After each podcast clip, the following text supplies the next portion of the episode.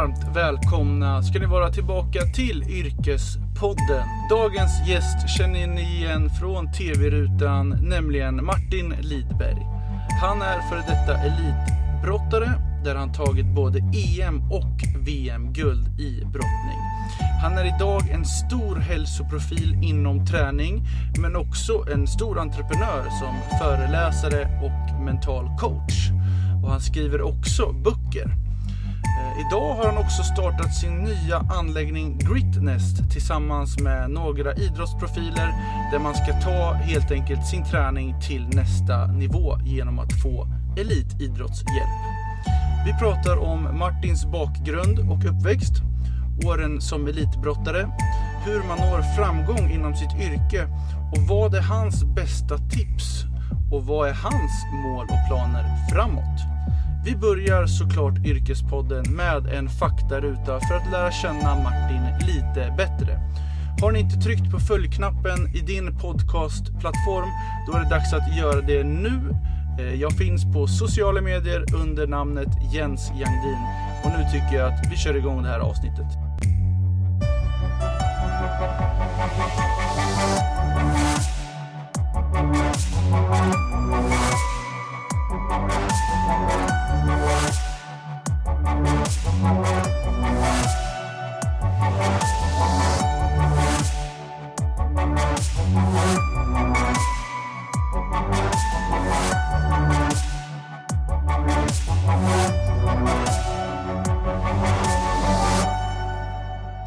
Välkommen till Yrkespodden Martin. Tack så mycket. Hur är läget?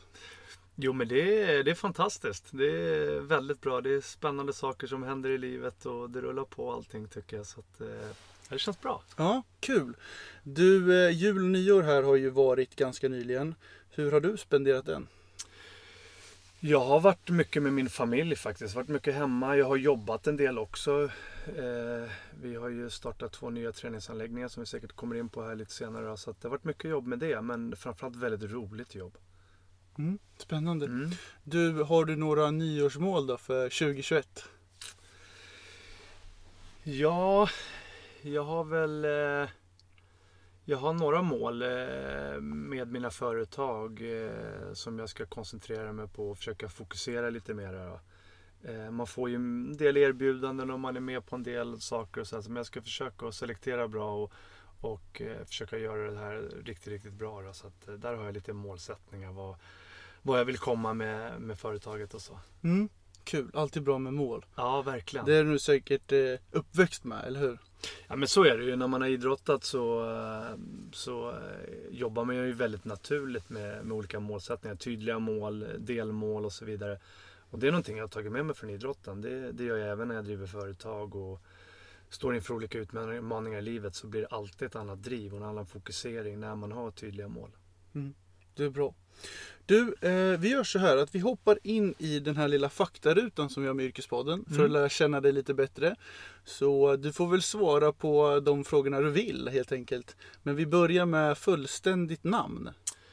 Johan Martin Lidberg, Ålder, 47. familj, Jag har tre eh, biologiska barn, en bonusgrabb och sen har jag en fru. Mm. eh, utbildning, Ja, jag har gått eh, gymnasieutbildning och sen har jag gått eh, fystränarutbildning. Ja, utbildad mental coach. Ja, gått lite olika saker när det gäller träning och hälsa och så då, genom åren. eh, lön, Ja, vad har jag haft? Det varierar som egen företagare men ja, jag tror jag brukar ligga mellan 700 800 000 per år ungefär. bor, Eh, Stockholm, Hammarby Sjöstad. eh, hobby, Eh, fiska. Jag älskar att fiska. Jag kan ju säga träning också för det tycker jag är så otroligt roligt. Men jag så Ja. jobbar med det så får jag inte säga det. Så jag får säga fiska istället. För det är så avkoppling för mig. Komma ut på sjön och spelar ingen roll om jag får någon fisk eller inte. Jag tycker bara det är skönt att komma ut på, på havet eller sjön. ja kul. Ja. Har du någon eh, liksom sjö som du ofta åker till eller något speciellt ställe eller kan det bara vara att fiska? Det kan vara lite olika ställen men ofta så är jag faktiskt, jag har en god vän som har drivit eh, Trosa camping och, och, som har båtar så, så jag brukar hyra båt av honom då. Så jag har varit mycket där ute. Mm. Vad lägger du pengar på då? Hemmet och mina barn, familj. Det tycker jag. Jag är inte sådär jättemycket för så materialistiska saker. Att jag behöver lägga massa pengar på en flashig bil eller massa saker. Utan mer att jag bor bra, har det bekvämt hemma. Eh, att min familj mår bra. Mina barn eh, skämmer jag gärna bort. Jag försöker hålla en bra balans där, ja, men Det mår jag bra av. Så att hellre ge till andra än att, än att få massa grejer själv. Mm. Eh, vilka språk talar du? Ja, jag, nej, där kan jag inte säga så mycket. Engelska och, och svenska då. Men eh, jag var väldigt mycket i Ungern eh, och tränade för jag är ungersk tränare. Så att eh, när jag var yngre framförallt så behärskade jag språket. Eh, förstod väldigt mycket och kunde prata en del. Då, men jag tycker man har tappat det genom åren då, när man inte har varit där så mycket och upp det. Men jag förstår en del. Mm. Eh, drömyrke när du var liten? Det var polis hade jag så här drömyrke. Jag tyckte det var lite macho och man såg upp till poliserna och sådär. Så, så det, det, var ett så här drömyrke när jag var liten. Ofta gick fram och hälsade på dem och frågade poliser om saker och ting. Så, mm. så, ja. Om jag känner igen mig lite i det där, du vet när de kommer, oftast när man är ganska ung, kanske till och med på dagis eller lek, lekis eller vad man säger. Då kommer de ju ofta på så här studiebesök eller något sånt där. Mm. Och då, då får man ju respekten direkt där. Verkligen. Och de var ofta väldigt trevliga och, och ville delge och svara på frågor. Och så, så att, nej, det, var, det var någonting jag, jag ville som yngre. Mm. Favoriträtt att äta då? Ja, jag är ingen vegetarian. Jag vet knappt om man vågar säga det då. Men jag gillar ju kött. Så att det får säga en uh, oxfilé och något så här traditionellt. Uh, men också väldigt mycket fisk. Lax tycker jag väldigt mycket om. Mm. Äter jag mycket. Bra ja. proteinkälla också. Mm. Eh, favoritklädesplagg då?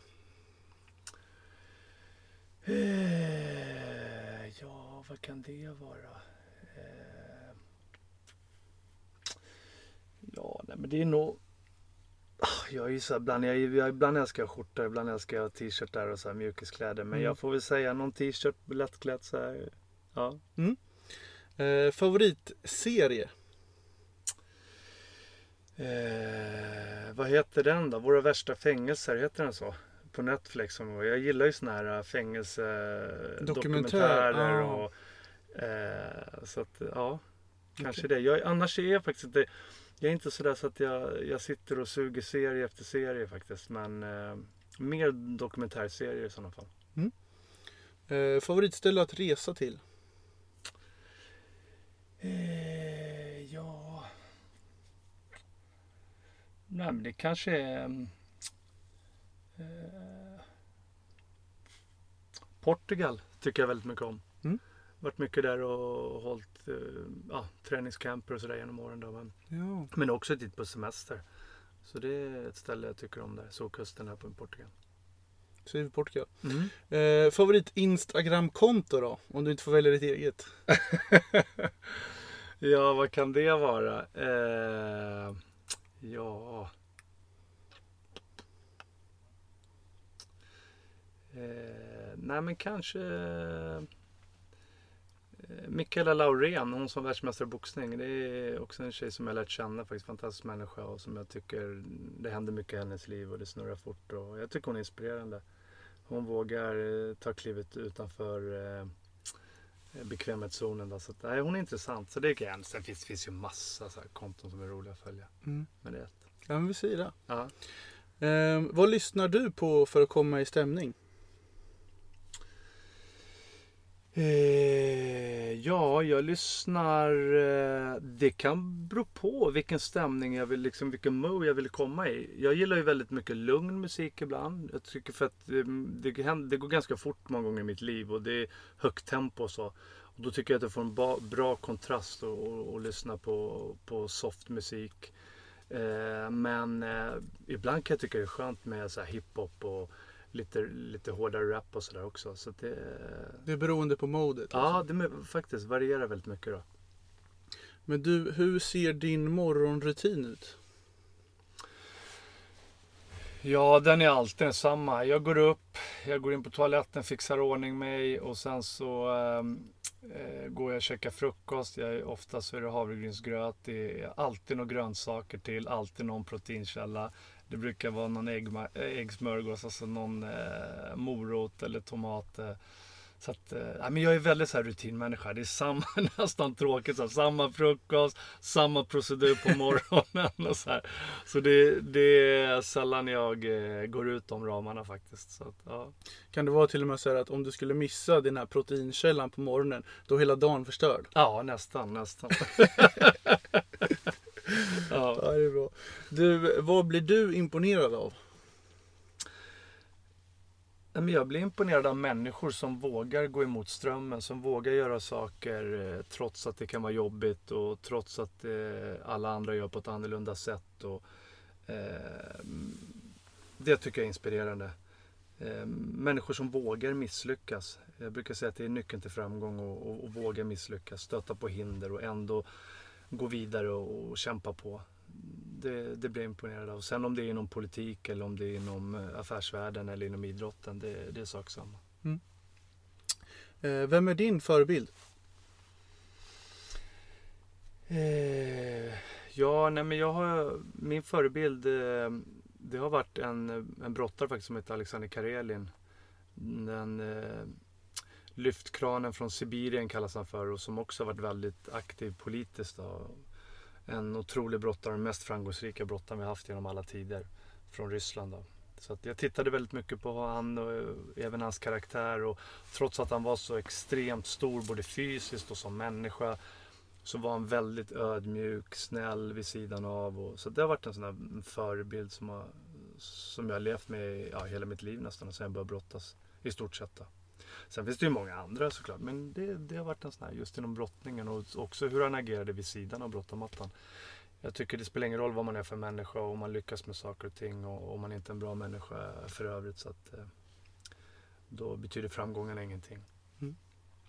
Um, jättebra. Du, eh, vi hoppar ur den här eh, faktarutan mm. och sen så försöker vi backa bandet lite. Mm. Du får rätta mig om jag har fel här nu, men du är född i Farsta i mm. Stockholm. Mm. Eh, du kan gärna berätta lite om uppväxten där. Mm. Nej, men jag växte upp i Farsta i väldigt enkla förhållanden. Det var min tre år äldre syster och så var det med pappa och mamma. Eh, några år senare, då, eller nio år senare till och med, så föddes min lillebror Jimmy som också blev brottare och framgångsrik internationellt. Eh, ja, vi, vi hade ganska tufft och, och, mina föräldrar var glada att jag valde en sport som, som inte kostade så mycket pengar utan brottning det krävdes inte så mycket utan eh, bara en motståndare i stort sett. Men jag växte också upp i, i en familj där min pappa hade ett svårt spelmissbruk som, eh, som också skapade en osäkerhet. Man visste aldrig från ena dagen till den andra vad som skulle hända eller Eh, vad vi hade råd med, vad vi inte hade råd med. Ibland så eh, hade vi nästan obegränsat med pengar och ibland så kunde vi knappt betala vår, vår hyra då, och räkningar. Och, så det är klart att det, det formar en väldigt mycket. Då. Och det står ju mycket om det här i vår bok då, Brottarbröder som har blivit väldigt uppmärksammad som vi gav ut då, jag och min lillebror. Då. Där vi ville berätta vår egen historia och hur den har format oss och, och inspirera andra människor att det faktiskt går att välja rätt väg i livet då, oavsett vad man har varit med om. Och, vad som har hänt i livet. Att vi har ett eget val. Mm. Du, vi ska faktiskt gå in lite på den där boken lite senare. Men jag tänkte, i Farsta där, var det där du också gick gymnasiet eller? Ja, jag bodde och, och levde i Farsta från att jag föddes. Föddes på Södersjukhuset. Så, eh, så det var inte så långt och sen rakt ut till Farsta då. Och där växte jag upp och gick i skolan där. Ettan till sexan i en skola, sen sjuan till nian och sen var det ju Farsta gymnasium jag gick där. Vad gick du där då? Där gick jag. Jag var ju en sån här, jag var ju väldigt talangfull. Jag kom in i landslaget tidigare då, så att jag var lite sådär, ska jag satsa på studien, ska jag satsa på brottningen? Och jag valde att, att satsa hårt på min idrott då, och kom in i landslaget tidigt. Då, så att jag gick, eh, jag gick handelslinjen då. Eh, handel och kontor hette den då. Eh, under de där åren då. Så att jag var väl inte sådär jättemotiverad till studien just då. Jag kände att det här är någonting som jag bara vill, vill klara av. Och sen kan jag plugga vidare sen efter min idrottskarriär. Mm. Men du hann ta studenten och sådär? Absolut, det gjorde jag. Det är många elitidrottare som egentligen satsar väldigt tidigt och inte knappt hinner ta studenten. Mm. Men du hann med liksom studierna där eller? Ja, det gjorde jag. Eh, jag, eh, nej men jag, åter, jag var väl inte sådär supermotiverad eh, kanske att studera under den här tiden då, eftersom jag, jag reste väldigt mycket. Jag var, kom, var med i seniorlandslag och låg på träningsläger och tävlingar och var tvungen att ta ledigt väldigt mycket. Men, men jag klarade studierna ändå med, med hyfsat bra betyg och sådär. Så att, och tanken var ju sen att men jag, jag pluggar vidare sen efter karriären. Då, mm. var tanken. Men eh, du får också rätta mig om jag har fel här nu, men du började brottades på Spårvägens brottningsklubb. Mm. Eh, och då är jag väldigt nyfiken att få reda på liksom, vad var första steget att ens börja på brottning? Var kom mm. det ifrån? Mm. Nej men det var faktiskt eh, min lärare Inger Rusad då, hette hon då, i Hästhögskolan i Farsta. Hon tyckte att jag hade väldigt mycket överskottsenergi. Jag hade svårt att sitta still och jag älskade att mäta krafter. Jag skulle tävla i allt och sådär. Hon märkte att den här lilla killen, han hade behov för det här. Så istället för att tvinga mig att sitta still hela tiden så tyckte hon tvärtom. Eh, hon tyckte att det vore nog bra för den här killen att få ut, den här, eh, få utlopp för den här energin. Och jag tror att det, det skulle vara bra för honom, han blir lugnare. Så hon ringde hem till mina föräldrar och frågade, då, eller, eller sa då att jag tror att det är bra för honom att börja på en idrott och så vidare. Så mamma frågade mig när jag kom hem den här dagen. Martin, vill du börja på en idrott? Ja, jag vill börja med brottning, sa jag. Brottning var ganska stort då. Frank Andersson eh, var känd och hade blivit världsmästare. Och, och eh, jag hade sett det mycket på TV och jag hade kompisar som höll på. Så jag sa direkt att jag ville börja. Och min morfar hade varit eh, löpare i spårvägen så han visste att det fanns en brottningssektion där också. Då. Så jag började sju år gammal. Mm. Jag tänker också lite där med efter studenten. Kan man, kunde du leva på brottningen då? Liksom, du hade ju redan kommit upp i sån hög elitnivå. Eller hur, hur såg mm. liksom branschen ut då? Mm. Nej men man vände ju på varenda krona. Jag var van liksom från min uppväxt att liksom alltid försöka hitta vägar att klara sig ekonomiskt på olika sätt och sådär. Och jag lyckades få in någon krona här och där. Jag hade extra jobb. Jag kommer ihåg jag jobbade allt från som expressarbetare till jag stod i dörren och garderober och jag stod på lager. och Sen så började jag vara liksom kreativ själv. Jag började fundera hur kan jag få in sponsorer? Jag började liksom skriva ner egna sponsorpaket. Så jag var ute och bokade möte med företagare och mm. sålde mina egna sponsorpaket. Och började bjuda in dem på tävlingar, skapade relationer. Så att, Eh, jag lärde mig otroligt mycket av det samtidigt som jag eh, så blev det som att det var nästan som att driva ett företag. Samtidigt så skulle man liksom för att kunna finansiera sin egen satsning. För det fanns ju inte så mycket pengar i brottning. Sen hade jag hjälpen att jag var ett affischnamn. Jag kom in tidigt i landslaget. Eh, vi hade VM i Globen när jag precis hade blivit juniorsmästare och jag var den enda stockholmaren, blev stora affischnamnet. Så jag hade lite draghjälp där då. Men jag jobbade vid sidan. Och sen när jag var kanske en sådär 24-25 år, då kunde jag börja leva på min brottning. Då hade jag sponsorer och jag hade de framgångarna som gjorde att jag, jag kunde leva på min brottning. Och sen så blev jag professionell i Tyskland. Det finns en Bundesliga där vi kunde tjäna en del pengar. Då. Inte så att man blev rik då, men man, det var i alla fall så att man klarade av att, att leva helt okej. Okay. Mm. Hur ser det ut liksom om du tar brottningen kontra idag? Jämfört det var när du växte upp? Har sporten liksom, har det vuxit in mer pengar idag? Eller ser det ungefär lika ut? Du som är insatt i det här ändå. Ja, nej men jag tror att det är rent ekonomiskt sådär så är det, är det ungefär likartat tror jag. Och det är mycket upp till personen själv. Är man väldigt medial, framåt, ehm, det hänger mycket på en själv såklart. Och sen vilka framgångar man har. Då kan man, tror jag man kan leva ganska bra på sin sport idag. Men brottning är ju, det är ingen sport där det är några stora prispengar och så vidare. Men det finns fortfarande den här Bundesliga, professionella ligan, där drömmen för alla brottare är att komma hit. Men det, det, är tuff konkurrens, det är svårt, det är bara de bästa som kommer dit och framförallt som kan tjäna lite mer pengar på sin brottning. Då. Eh, sen har ju MMA, då, UFC och allt det här, det har gjort väldigt mycket för brottningen. Eh, inte minst att eh, många av de bästa UFC-fighterna idag kommer ju från brottningen eh, från början och många brottare har blivit mästare i, i MMA, då, världs, världsbäst och så och, och, tagit bälten och så. Så det har faktiskt blivit uppsving. Folk har börjat respektera brottningen mer och, och många tycker att det är den absolut bästa fysiska grunden du kan få. För man blir stark, man blir uthållig, man blir akrobatisk och man får alla de här delarna. När du var i elitbrottningen nivån där, hade du några tankar någon gång att gå in i kampsport? Alltså i MMA eller något sånt där? Mm. Jag höll ju på några år med thaiboxning parallellt då och eh, prövade på många andra kampsporter också. Så jag hade ju en fundering på att göra en, en MMA-karriär. Vi hade ju sådana som Dan Henderson som jag mötte mycket som blev mästare i UFC. Randy Couture var en annan som jag mötte någon gång där som också blev mästare i UFC. Så att, eh, jag hade tankar på att faktiskt göra men då hade, var jag ju så pass gammal när UFC började bli, bli stora så då hade jag precis bestämt mig för att sluta med brottningen. Då. Mm. Men jag gjorde en sån här tryout eh, i USA, då, i Las Vegas, som jag gjorde då. Som jag, en match som gjorde att jag fick ett proffskontrakt. Okay. Men valde att tacka nej då, för jag kände, jag hade precis lovat mina barn att sluta. Man var nästan aldrig hemma, man var jämt på tävlingar och träningsläger. Och, så att, eh, ja, men jag var i valet och kvalet där och jag tränade en del. När du är inne lite på det där spåret mm. faktiskt så är det ju så att du sa att du kom in i, i landslaget väldigt tidig ålder och fick mycket headaffischer och var Stockholms namn. Det här med att leva i offentligheten mm. ganska tidigt. Hur var det? Nej men det var väl inget som jag... I början så var det ju smickrande och roligt och folk kom fram och, och kände igen en och man tyckte det var roligt sådär i början. Och sen kom ju alla de här ryggdunkarna och ville synas med en och, och eh, ja, man var ute på krogen och folk ville synas och hänga med en och sådär. Så det var inte alltid lätt att tackla i början. Och det var inga människor som kanske fanns där när det inte gick så bra. Eh, sen blev det såklart en enorm press också. Att, eh, jag hade vunnit allt så mycket att vinna som ungdom och junior. Tidningsreportage, tv-program. Sa att liksom, den här killen kommer vinna allt som går att vinna. Jag fick medalj från kungafamiljen. Och så det blev en väldigt, väldigt stor press. Och jag kunde inte riktigt axla det där i början. Och det gick inte sådär riktigt spikrakt som jag och alla andra hade trott. Då. Och det var lite tufft. Så det var några tuffa år där också. Och det gjorde också mynnade ut till att jag också började jobba väldigt mycket mentalt. Eh, för att det, jag märkte att och förstod till slut att det räckte inte att bara träna kroppen. Du måste träna skallen också. Du måste tro på det till 100%.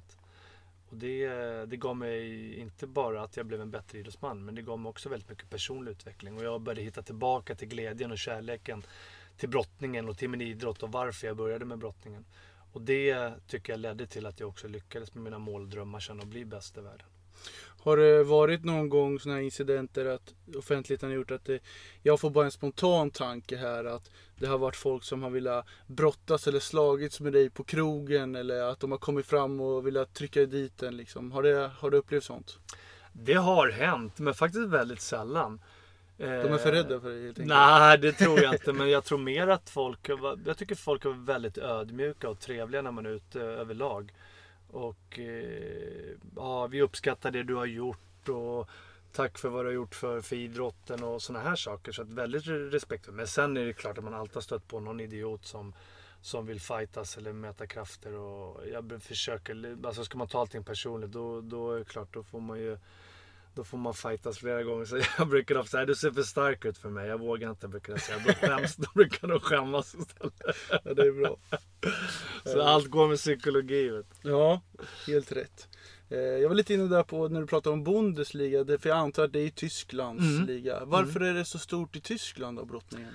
Nej, men de är duktiga på paketering och, och idrott överlag. Och, och Bundesliga det är jättestort inom många idrotter och det tror jag inte alla vet om. Inom brottning, boxning, handboll, hockey. Så att, jag menar, det finns i stort sett, ja, fotbollen känner väl de flesta till. Men Såklart. det är väldigt, väldigt stort där nere. Och varje liksom, stad eller då om man ska säga ort har någon idrott som man är duktig på och som man förknippas med i Tyskland.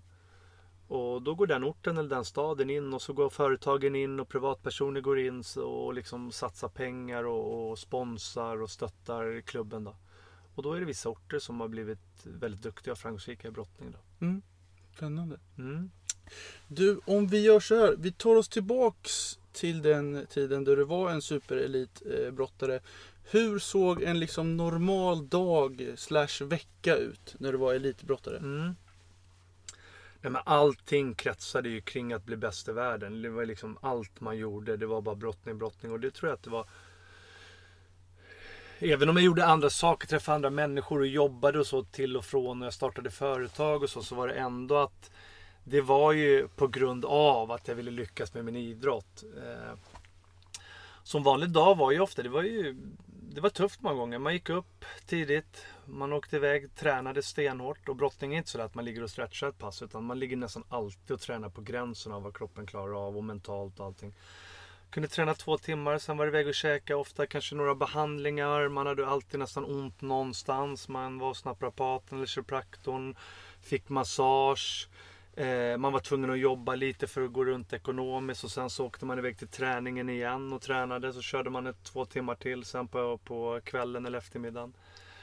Försökte äta bra och, och, ibland så skulle man ner i vikt och ibland skulle man upp i vikt och så vidare eftersom man tävlar i viktklasser. Så det mesta kretsade ju kring brottningen då. Och kring sin, sin satsning såklart. Där målsättningen var att bli bäst i världen och du behöver vara fokuserad såklart. Jag förstår.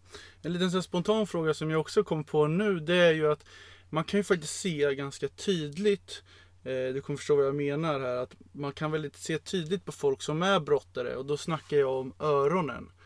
Eh, och jag har ju alltid varit lite intresserad. Vad, är det egentligen som händer där? Alltså, är det att brosken blir liksom förstörda när man brottas? Eller hur funkar det här mm. Ja, men man, man får ju smälla på det när man råkar skalla ihop eller man gnider ihop. Men framförallt är det när man olika grepp på det. Man tar ju runt huvudet och nacken och så, så blir det friktion mot öronen. Det ska komma ut olika grepp och så vidare. Mm. Och du har ju blodkärl i öronen. Okay. Så när de eh, spricker då, eller skadas av blodkärlen. Då rinner ju blod ut i örat. Och blod som stelnar blir ju brosk. Mm. Eh, ofta så blir det så att du hinner inte vila. Om du liksom låter det här vila direkt då kan ju blodet skjutas tillbaka precis som du får en blödning i armen eller var, var som helst. Då. Men eftersom du är på det här hela tiden så får du aldrig vila och då blir det liksom större och större blödningar. Eh, och det kallas ju blomkålsöra. Ja. Och sen så stelnar det här och eh, så får man sådana här eh, tjocka eh, öron. Och det, ibland så får man på baksidan är väldigt vanligt så då trycks öronen ut så man får lite mm. utstående öron också. Då. Ja. Eh, men det finns lite tricks för att undvika det här. Då. Okay. Eh, folk brukar fråga mig ibland sådär, men Martin du har inte så, du har inte så extrema blomkålsöron och sådär. Det syns knappt på dig. Och jag brukar skoja ibland och säga så ja men man ska brottas med insidan av huvudet, inte med utsidan. Ja, jag brukar skoja ibland. Men det jag gjorde mycket, eller det jag gjorde, det, man, det är att man, medan det här är färskt, så kan man då när blodet har precis runnit ut, det är alldeles mjukt hela örat och fullt med blod. Då kan man ta en spruta själv då, många, och sen så, så suger man ut det här blodet. Mm -hmm. Men då måste man snabbt på med press. Så du måste tejpa, ta tejp och tejpa runt huvudet och över örat. Och gärna att du har någonting som trycker. Man brukar sätta mynt ibland mm -hmm. på örat. Och så tejpar runt så att du får tryck så att så det inte rinner ut nytt blod. Okay. Och så måste du hålla på och det dunkar. Det är det som någon står och slår med en slägga på nätterna när du ska sova. Det gör jätteont. Mm. Och du hör det här dunkandet hela tiden. Så att, och sen så efter några, kanske någon vecka, då kan du sluta med det här tryckförband och så vidare. Och så kanske få en liten smäll till och så måste du börja om den här proceduren från början. Suga ut blodet, tejpa och så vidare. Så många, de flesta orkar inte hålla på så här. Så låter de bara vara. Och så mm. får de de här blomkålsörerna. Och det är ju inte bara brottning. Många, vissa boxare får ju med framförallt där grappling då. Du har eh, brasiliansk jiu-jitsu, du har MMA och så vidare. Så att, och i många länder det kanske inte svenskarna känner till. Det är ju alltså megastatus att ha blomkålsöron. Mm. Där brottning, MMA, de här olika länder, där de här sporterna är stora. Där vill de ha, ha blomkålsöron. Så det är till och med som Iran där brottningen är jättestor, Turkiet och så vidare. Där eh, har jag till och med hört historier att de tar vikter och lägger bakom så på och så slår de med vikterna för att de ska få blomkålsöron som ska visa, ska synas när de går på stan att eh, den här är brottare eller MMA-fighter eller vad man nu håller på med. Ja, jag fattar. Ja, det är kulturer där. Det är, mm, det är jättekulturer verkligen. Jag får bara eh, en spontan tanke här med Khabib. Mm. Han har ju ganska mycket blomkålsöron där. Mm. Som är riktigt bra MMA-fighter. Mm. Han är mm. från Tjetjenien, är han inte Tjetjenien? Dagestan ja, ja. det är väl en del av Dagestan. Ja. Och där går du på, alltså åker du till Dagestan, brottning det är ju deras nationalsport. Du är, alltså folk, du ser knappt en kille på stan som inte har blomkålsöron. Ja. Eh, och där börjar man ju brottas i skolan. Okay. Och inte bara under hela Sovjettiden har ju det. Alltså det sägs, jag vet inte om det stämmer men det sägs att Ryssland, att Sovjet hade över 8 miljoner brottare under den här tiden. Då man räknar upp alla Georgien, Armenien, Dagestan, alla de här. För brottning är enormt stor där borta. Eh, så eh, stor status då. Ja, häftigt. Hej hörni, Jens här från Yrkespodden. Hoppas ni tycker om podcasten och se till att prenumerera på Yrkespodden i din poddapp. Det finns på Spotify, iTunes, Acast, Soundcloud. Ja, ni vet, där alla poddar finns. Jag finns också på LinkedIn, Jens Jangdin, och även på Instagram, där jag också heter Jens Jangdin.